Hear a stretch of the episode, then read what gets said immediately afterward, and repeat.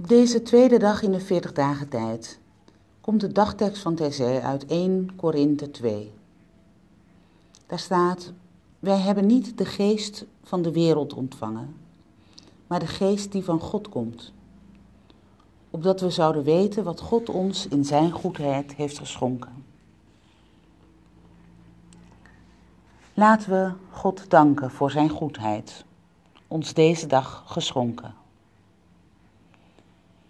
Heer, wij danken u voor uw liefde en zorg, voor uw nabijheid en zegen.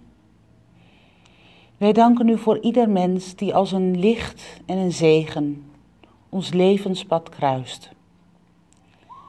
Wij danken u voor uw hulp in donkere en moeilijke uren. Heer, we willen uw ontferming vragen voor alles waarin we tekortschoten.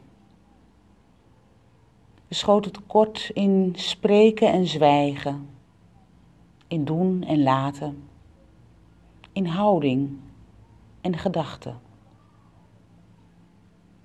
Heer, u bent Vader van alle goedheid en genade. En wij mogen rekenen op uw vergeving Geef dat uw Zoon door Zijn liefde ons hart en onze gedachten vernieuwt. En dat de geest van troost en licht ons doet opstaan na deze nacht en richt onze voeten op een weg die naar vrede leidt. Amen.